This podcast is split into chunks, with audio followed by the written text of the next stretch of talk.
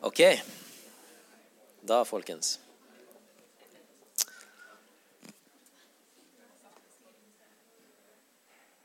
Er klar for å høre Guds ord? Come on. Vi eh, tror at Guds ord det er levende, og det er virkekraftig. Det er sånn at eh, Når vi formidler Guds ord her søndag etter søndag, så er det fordi vi har rett og slett beintro. Beintro. Nå har du hørt det, altså. Vi har steintrua på at Guds ord fullfører det det var ment til å gjøre. Det er fordi Guds ord sier om seg sjøl at summen av Guds ord er sannhet. Så når vi formidler Guds ord, så betyr det at det ordet treffer hjertene. Det treffer ørene våre. Det går inn i systemet vårt, og det gjør det som det var ment til å gjøre. Så det skaper en tro i oss. Så Guds ord er noe annet enn eh, andres ord, enn menneskers ord. Guds ord er noe annet enn mine ord. Jeg kan formidle veldig mange av mine ord, men de vil ikke skape på samme måte som når jeg formidler Guds ord. Når vi tar til oss og åpner boka vår, leser den, studerer den, grunner på den, så skaper det noe helt eget i oss. Eh, og det her opplever jeg stort sett hver gang jeg sitter hjemme og åpner min papirbibel, en studiebibel som jeg har eh, hatt i en god del år, at uansett hvordan uka har vært, eller hvordan livet føles, eller hva som har skjedd, så opplever jeg at når jeg åpner den, vet du hva, da får jeg mat. Da er det, Jeg kan åpne den hvor som helst. Det er noen plasser som er litt tyngre å spise. Det er litt, eh, når du står opp om morgenen, så er det ikke akkurat en saftig biff du har lyst på. Du har lyst på litt sånn frokost. Og det er noen, noen, noen kapittel litt sånn lenger ut i Bibelen er litt mer sånn frokostkapittel. Men uansett, Guds ord er mat for oss. Guds ord er mat for ånden vår, mat for sjela vår. Og derfor er det vi er så frimodige på å formidle Guds ord. Fordi det er relevant i dag. Og tenker man at Guds ord ikke er relevant for, eh, for oss i Norge i 2021, så tror jeg du bør steppe litt bak, tenke over Er det sant at Guds ord ikke er relevant? Guds ord har vært relevant fra første øyeblikk. Guds ord var det som skapte livet. Gud skapte ved sitt ord. Han sa, og det ble. Så når vi nå går inn i romerbrevet i dag, et brev i Bibelen, så skal vi få se på at det er liv i Guds ord. Amen. Tittelen 'Tro til rettferdighet'. Eh, vi har jo snakka mye om dette med tro. Hvis du har vært eh, i kirka her de siste ukene og månedene, så har du fått med deg at vi har prøvd å knytte opp troa vår med livet vårt. For en del mennesker så kan det fort bli sånn at troa er noe som er veldig frakobla fra resten av livet. At tro, jo, det er på søndagen når jeg går til kirka. Da har jeg troen. Da liksom Yes, tro. Jeg tror på deg, Jesus. Og så kommer resten av uka, og så er det på en måte Troa har på en måte ingen, ingen funksjon eller ingen tilkobling til resten av livet ditt. Derfor har vi snakka om det, hvordan vi kan prøve å koble troa sammen med resten av livet. At troa og livet vårt er egentlig merga sammen. Det er forent. Og det jeg har lyst til å snakke om i dag, det er en ganske sånn eh, basic, en fundamental ting det å være rettferdiggjort. Dette er et, et, ord som vi ikke nødvendigvis bruker veldig mye i dagligtale, men et ord som har veldig veldig mye kraft i seg. Og når vi forstår det her, når det her synker ned i hjertene våre, så kommer det her til å være avgjørende for hvordan vi tilnærmer oss tro. Det å forstå rettferdighet, det er utrolig viktig. Utrolig viktig. Og da har jeg bare lyst til å eh, først og fremst gi en eh, oppfordring til å lese romerbrevet. Hvis du ikke har lest romerbrevet før, les romerbrevet. Har du lest det før, les det en gang til. Og gjør en, gjerne en øvelse sånn som, som jeg ble oppfordra til for noen år siden. Til å eh, eh merke Bruk fargeblyanter i Bibelen din og gjør denne øvelsen. Der det står synd eller synden, bruk én farge. og der det står nåde eller nåden, bruk en annen farge, så kommer du til å se veldig veldig konkret hvordan Paulus har bygd opp hele dette brevet. Der han sier at synden var sånn, men nåden du, du, du. Synd, nåde. Og du vil se at, at Bibelen din egentlig blir et sånn fargekart der du ser at vet du hva? Det er faktisk sant.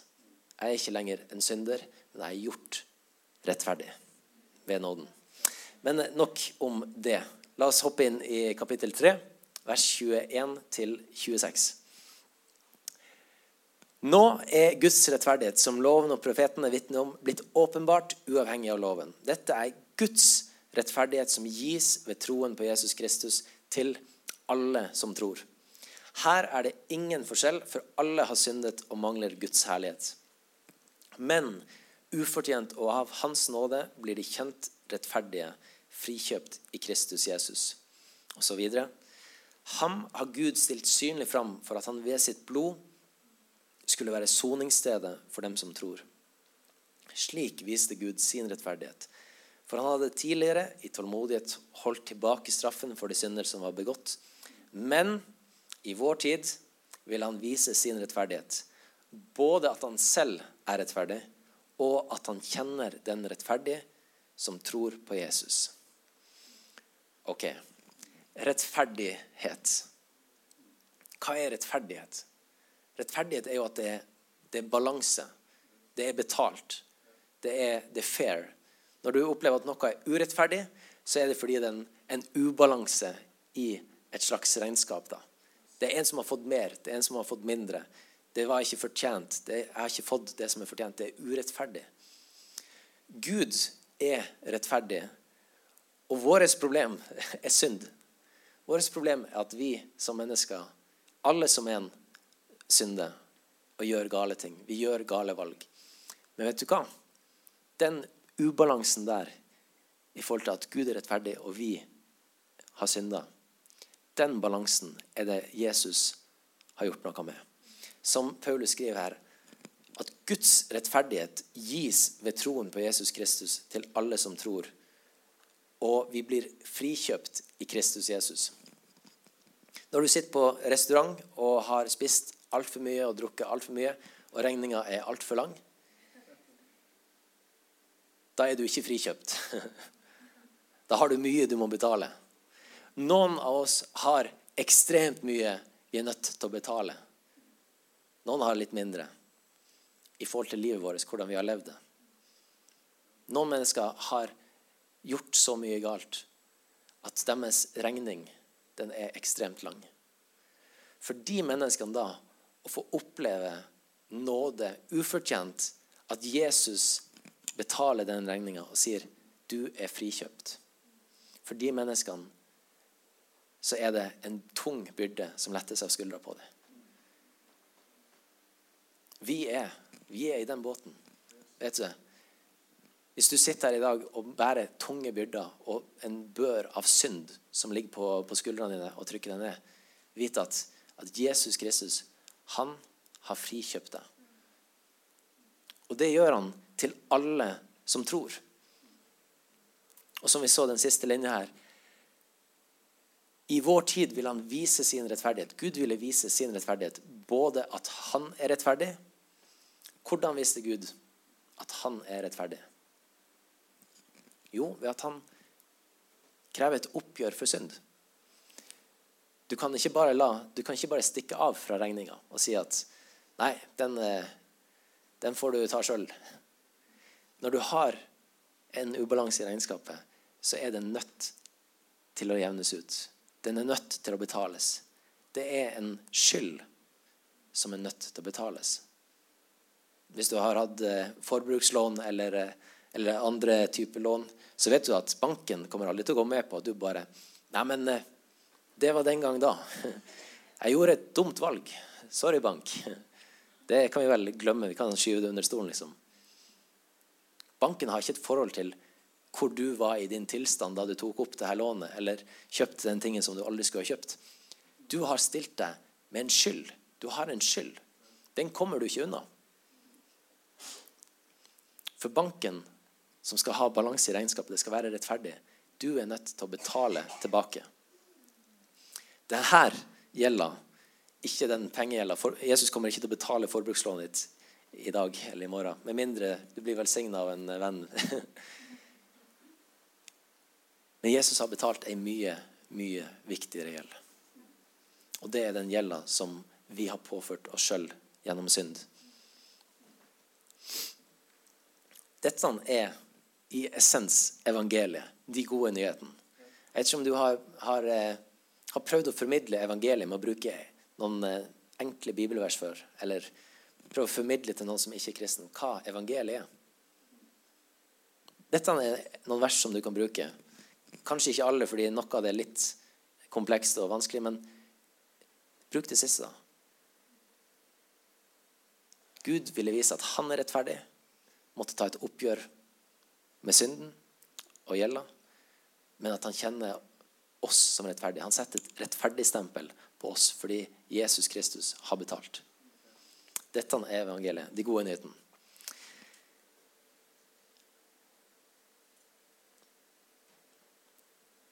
Andre Korinterbrev, kapittel 5. Eh, jeg skal lese vers 18-21, men det er kun vers 20-21 som kommer på skjermen. Alt er av Gud, Han som ved Kristus forsonte oss med seg sjøl og ga oss forsoningens tjeneste. For det var Gud som i Kristus forsonte verden med seg sjøl, slik at han ikke tilregner dem deres misgjerninger. Og han betrodde budskapet om forsoningen til oss. Så er vi da utsendinger for Kristus. Vi er utsendinger for Kristus. Ambassadører. Og det er Gud selv som formaner gjennom oss. Vi ber dere på Kristi vegne, la dere forsone med Gud. Dette som kirke, ta det her til deg. Dette er vår eh, arbeidsinstruks. Å be på Kristi vegne om at mennesker må la seg forsone med Gud. Fordi han som ikke visste av synd, Jesus, har han gjort til synd for oss, for at vi i ham skulle få Guds rettferdighet. Så den rettferdigheten som vi nå har fått, det er Guds egen rettferdighet. Et eh, banalt bilde på det er at du blir ikledd en eh, ikledd Kristus. Efeserbrevet, der er hele temaet i den handler om at vi er i Kristus.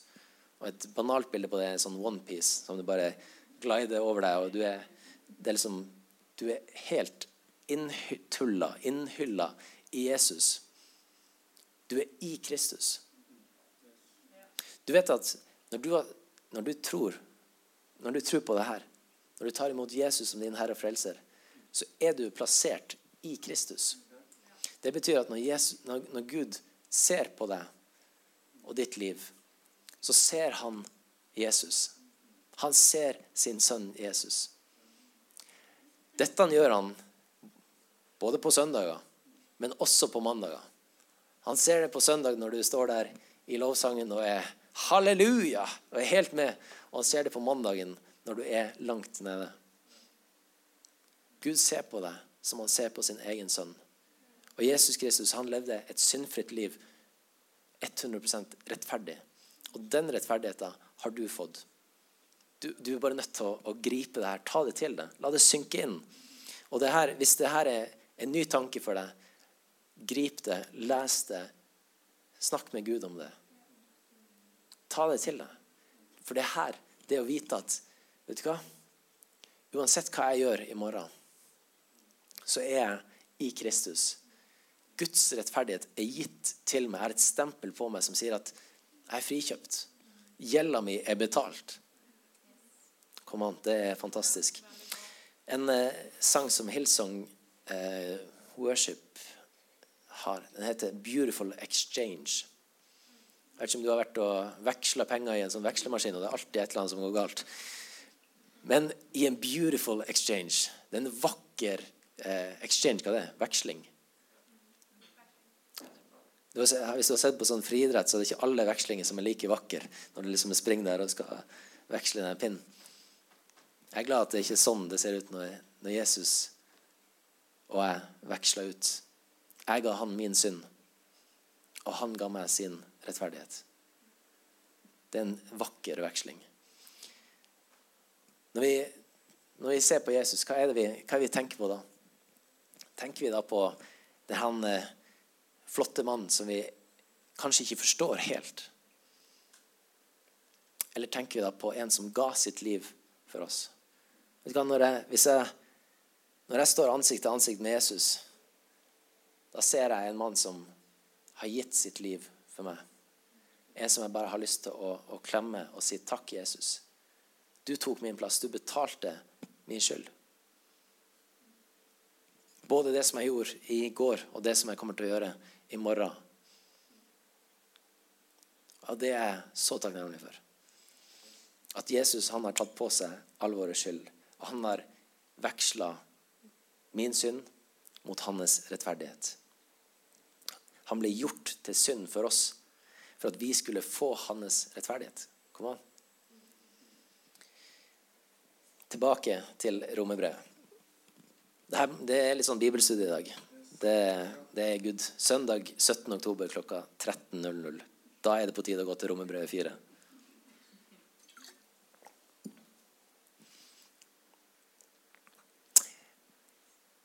I Ja, det er riktig. Har du hørt om Abraham? Come on. Abraham. Det er noen som ser ut som Abraham her. Han var god og gammel og godt Godt til lags.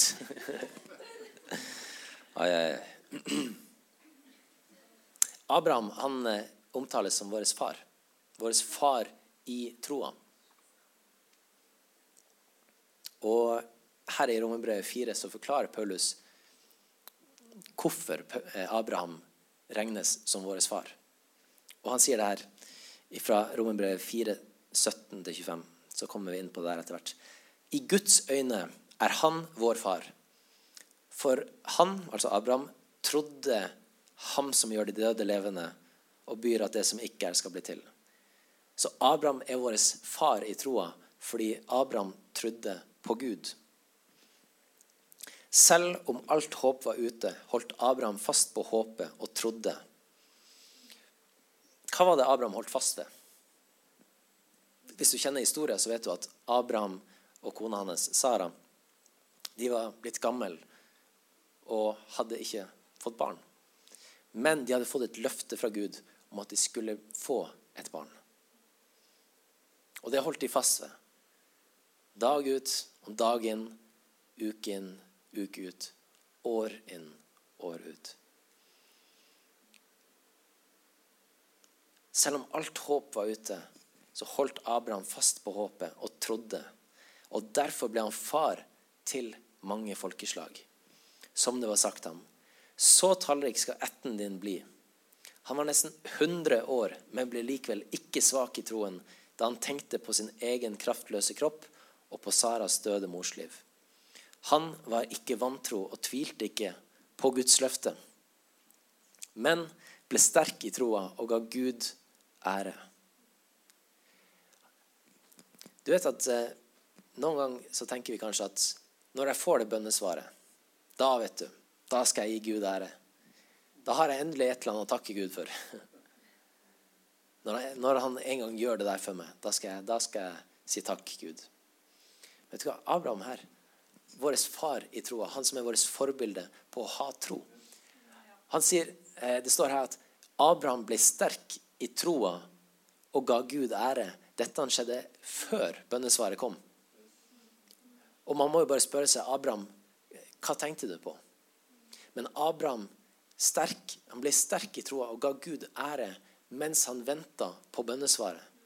Dette er, dette er til oss.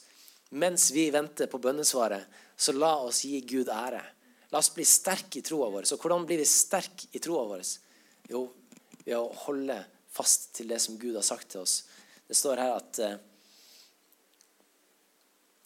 han var nesten 100 år, men ble likevel ikke svak i troen da han tenkte på sin egen kraftløse kropp og på Saras døde morsliv.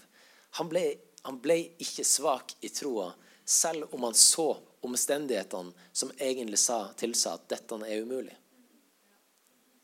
Det, det er inspirerende hvordan Abraham holdt fast på det som Gud har sagt. Et løfte han har fått fra Gud. For han var overbevist om at det Gud hadde lova, hadde han også makt til å gjøre. Derfor ble han regna som rettferdig. Abraham levde jo før Jesus.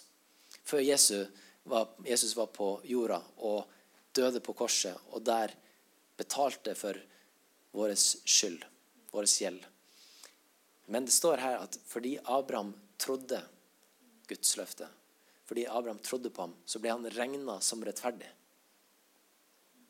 Og Den samme troa er det vi også blir regna som rettferdige ved. Fordi det står videre Men Skriften sier ikke dette bare for hans skyld. Det er ikke bare for Abraham. Det her gjelder for oss også. Vi skal bli regna som rettferdige når vi tror på Ham som reiste Jesus, vår Herre, opp fra de døde. Han som ble overgitt til døden for våre synder og oppreist for at vi skulle bli rettferdige. Så da vi altså er blitt rettferdige ved tro, så har vi fred med Gud ved vår Herre Jesus Kristus. Så vet du hva? Abraham er et forbilde for oss. Abraham er vår far i troa, en som har gått foran, som vi kan se til, og som vi kan strekke oss etter. Sånn tro har jeg også lyst til å ha. Jeg har lyst til å ha ei tro som ikke ser på omgivelsene for å finne ut av om det her er noe som Gud kan gjøre. Gud kan gjøre det som er umulig for mennesker.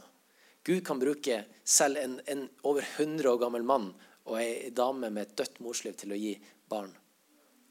Gud kan skape ting som ikke er mulig for oss. Så, Men det som er viktig, da Hvis vi skal holde fast på det her, så er jo vi nødt til å vite hva Guds ord sier. Vi er nødt til å vite hva Gud har lova for at vi skal kunne holde fast på et løfte. Nødt til ikke bare gå rundt og si 'Yes, Gud, jeg stoler på alt du har sagt'. Hva enn det er. Jeg aner ikke hva det er, men jeg stoler på det, at det skal skje. sånn er det kanskje av og til, at vi ber om 'Ja, Gud, du må bare gjøre, gjør det bra', liksom. Et eller annet, du har kontroll. Du har sikkert sagt noe om det, men har bare fikst det, liksom. Så er vi ikke i stand til å vite om Gud faktisk har svart på det. Kanskje Gud har lina opp bønnesvaret. Kanskje han allerede, har svart bønnen din. Det er bare at du ikke er klar over hva Gud faktisk har lova at han skal gjøre for deg. Men så har han besvart bønnen din allerede. Men ved å vite hva det er Gud har lova oss, Guds løfter til oss, så kan vi holde fast på dem sånn som Abraham holdt fast på dem. Og vi kan også gi Gud ære både før, men også etter at bønnesvaret er kommet. Noen av de tingene som Gud har gitt oss løfte om i 1. Johannes 2, 25, det er evig liv. Han har gitt oss løfte om tilgivelse når vi bekjenner syndene våre. Det, blir, det å erfare tilgivelse, det er fantastisk. Det å bli satt fri fra en, en, en utilgivelse. Jeg vet ikke om det går an å si engang. Men det er en fantastisk følelse når du mottar tilgivelse, når du får lov til å bli satt fri fra noe som binder. I Isaiah 26,3 så, så har vi et løfte om fred til den som setter sin lit til Gud. I Jakob 1,5 så er det en løfte om visdom og innsikt. Kom an, noen som har lyst på den? Jeg vet du hvordan du får det? Det står at han vil gi det til den som ber om det. Så ber vi om det, så vil Gud gi det. Det er et løfte som vi kan holde fast på, som vi kan stole på. Jesus ga oss et løfte om hvile til alle som strever og bærer tunge byrder. Det er et løfte til oss. La oss ha tro til å holde fast på de her løftene. La oss ha tro på å se at, til å se at dette skal virkelig komme til syne i mitt liv. En hvile i mitt liv. Hvis du er der at du er urolig for ting, hvis du kjenner at du aldri får egentlig slappe helt av, eller en ting som du syns er vanskelig, gå til Jesus. Legg deg ned ved hans føtter og si, 'Jesus, dette tar du på deg. Takk for det.' Og takk at du gir meg hvile i vekslinga. Jeg kommer med mine synder. Du kommer med din rettferdighet. Jeg kommer med mine byrder. Du kommer med din fred. Jeg kommer med mine kjipe dager, og du gir meg nåde og håp for det som ligger foran. Denne vekslinga, ta tak i den, tro på den og utøve den. For Jesus han døde for våre synder og ble oppreist for vår rettferdighet. Vi skal spole litt videre fram her. Det, blir, det, er litt som å eh, noen ting Når man eh, virkelig vil få fram noen ting, så trenger man bare å banke det inn og inn og inn igjen. Det er som en spiker som er svær. Den må hamres på mange ganger for at den virkelig skal sitte fast. For mitt, eh, for mitt eget liv så var det her med rettferdighet det var noe som jeg hadde hørt om veldig lenge. Eh, vokst opp i kirke, og egentlig et ord som og en eh, tanke som var litt sånn fremmed for meg. Hvis du, hvis du skjønner liksom at ja, rettferdighet er liksom et veldig kristent ord. da. Eller du, du, bruker jo rettferdighet i andre forum også. Men om at vi er rettferdiggjort det er, litt, det er ikke så mange andre som snakker om det. Men så var det på en, eh, en eh, sånn sommerbibelskole. Det var undervisning Det var vel fem dager på rad med bare undervisning, undervisning, undervisning. Guds ord formidla. Og jeg husker ikke hvordan, hvordan, dag det var, men jeg tror det var dag eh, tre eller fire. Så var det som at eh, endelig datt eh, 50-åringen ned, og eh, lyset gikk opp. For hva det Jesus faktisk har gjort. Og jeg tror at hvis vi skal forstå det her, så trenger vi bare å fylle oss med det. Vi trenger bare å fylle oss med Guds ord. Grunne på det. Tenke over det, reflektere over det, diskutere det. Og da vil vi til slutt oppleve at ja, men vet du hva? Nå sitter det her godt og trygt i hjertet. For det en ting er at det som jeg har sagt nå, det ligger her oppe hos deg. Og snart er det på vei ut der. Med mindre det får lov til å ta en annen vei ned her. Det må ned i hjertet. For at det skal komme seg ned hit, så er vi nødt til å snakke om det her sjøl. Vi er nødt til å sette egne ord på det her. Det er ikke nok å bare høre noen som forteller om rettferdighet. Vi er nødt til å snakke om det her sjøl også. For at det skal få lov til å ta hele veien ned i hjertet og bli fast for oss. En sannhet som vi virkelig stoler på og er trygge på. Og Paulus i romerbrevet, da er vi framme i kapittel 10, så snakker Paulus om israelsfolket, eller jødene, som, bodde, som, som Paulus egentlig var vokst opp sammen med. Og jobba sammen med og var veldig mye sammen med. Men han sier det her om det i kapittel 10, vers 1-4. Mine søsken, jeg ønsker av hjertet og ber til Gud at de må bli frelst. Her snakker han om jødene. For det vitnesbyrd gir dem, at de brenner for Guds sak. De var virkelig hengiven. Paulus var jo han var en av de mest hengivne jødene. Han, han studerte Guds ord. Han studerte Toraen. Den kunne han. Han var en av de fremste på det. Og han brant. Han var pasjonert for det her. Men de brenner for Guds sak uten virkelig å kjenne ham. De kjenner ikke Guds rettferdighet, men vil bygge opp sin egen rettferdighet. Derfor har de ikke bøyd seg under rettferdigheten fra Gud. For Kristus er lovens ende og mål, så hver den som tror, skal bli rettferdig.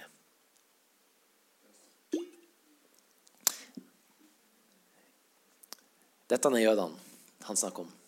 Men jeg tror han like godt kunne ha skrevet det brevet her til Norge anno 2021. De som ikke kjenner Guds rettferdighet, de jobber med sin egen rettferdighet. De gjør gode gjerninger og ønsker å leve et godt, så godt liv som mulig. Og hvis de, hvis de er heldige, så har de gjort nok godt til at en eller annen Gud kommer til å gjøre noe bra med dem i det neste livet.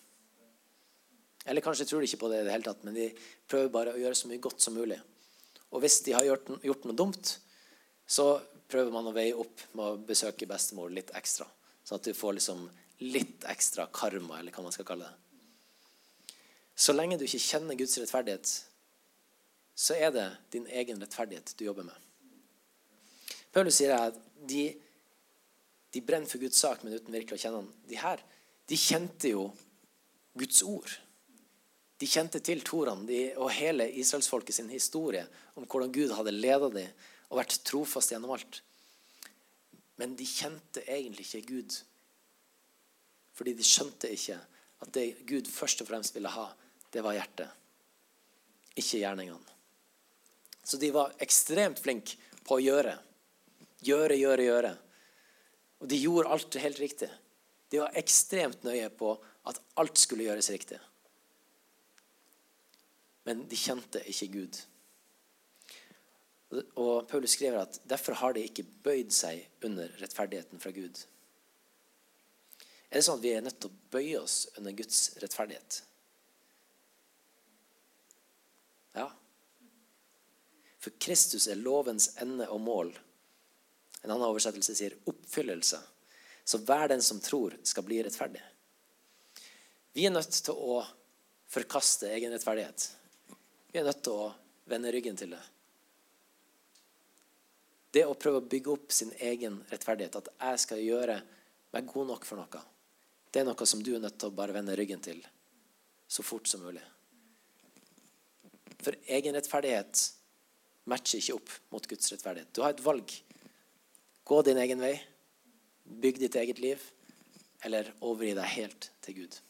Og la Hans rettferdighet være den som er merket på livet ditt. Du har et valg. Og den, dette valget er det som alle mennesker stilles over. Det er om du ønsker å omvende deg til å bli et Guds barn. Til å være en etterfølger av Abraham. Ha den samme troa som Abraham har. Få den rettferdigheten som Jesus gir deg. Den er tilgjengelig. Men du kan velge å si nei takk. Jeg tar regninga sjøl. Jeg skal prøve å betale den resten av livet mitt. Fordi jeg er ganske god. Et ganske godt menneske, faktisk. Jeg er faktisk ganske snill. Og jeg er nesten aldri sur. Nesten aldri sint. Sier nesten aldri gale ting. Så jeg tror denne regninga den skal jeg klare ganske bra sjøl. Takk, Jesus, for det du gjorde. Vil ikke ha noe mer med deg å gjøre. Det kan du si. Du er fri til det. Men da er du på egen rettferdighetssida. Da står du til ansvar for deg sjøl. Nåden, evangeliet, de gode nyhetene, er at Jesus stiller seg fram for deg og sier jeg har, tatt, jeg har tatt støyten for deg. Jeg har betalt prisen. Om du vil akseptere min betaling, si ja til meg. La meg bli herre i ditt liv. Omvend deg, og la min rettferdighet være den som omfavner deg. Så det er gode nyheter. Det er gode nyheter. Jesus Kristus er lovens ende og mål. Han er den som oppfyller loven for oss. Og han gir oss et nytt bud, og det er at vi skal elske hverandre sånn som han har elska oss. Jesus ga sitt liv for oss, så det betyr at vi er kalt til å gi vårt liv for hverandre. Vi er kalt som etterfølgere av Jesus til å være radikal i måten vi behandler hverandre på. Radikal kjærlighet. Radikal nåde. Ufortjent nåde mot hverandre. For det er det, den kjærligheten Jesus har vist oss. Og vi skal runde av her med Romerne 10, 9-13. Så eh, lovsangstimen kan bare komme opp her.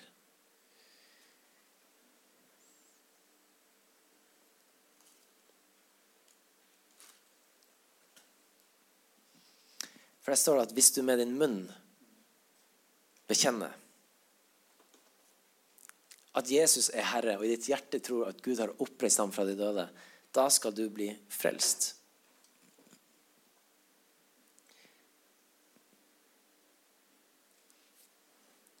Med hjertet så tror vi så vi blir rettferdige. Med munnen bekjenner vi så vi blir frelst. Skriften sier ingen som tror på ham, skal bli til skamme. For her er det ikke forskjell på jøde og greker, svensker, nordmenn, ramfjordinger, sørlendinger alle har samme herre. Den eh, litt verre med vestlendinger, men eh, Men han er rik nok for alle som påkaller han. Og hver den som påkaller Herrens navn, skal bli frelst. Og det handler om det her med rettferdigheter. Frelsen og rettferdigheter, det er en, en og samme sak. At vi tar imot Guds rettferdighet, og vi blir frelst ifra vår synd. Når Jesus døde på korset, så spikra han fast skyldbrevet. Regninga som sto over livet vårt. Alt det som vi sjøl kan streve etter å betale. Hvis du har hatt stor økonomisk gjeld, så vet du at, at det er et strev, og det er en belastning, det er en byrde. som henger over deg dag etter dag etter dag. Og et, når det kommer til synd og skyld, så kan det oppleves på akkurat samme måte. Dag etter dag så ligger du der og tenker at det her var kanskje ikke bra. Det her var ikke godt nok. Men vet du hva? Jesus han står og banker på døra og sier at vet du hva? Slipp meg inn. La meg bli herre i ditt liv. La meg få ta denne kostnaden.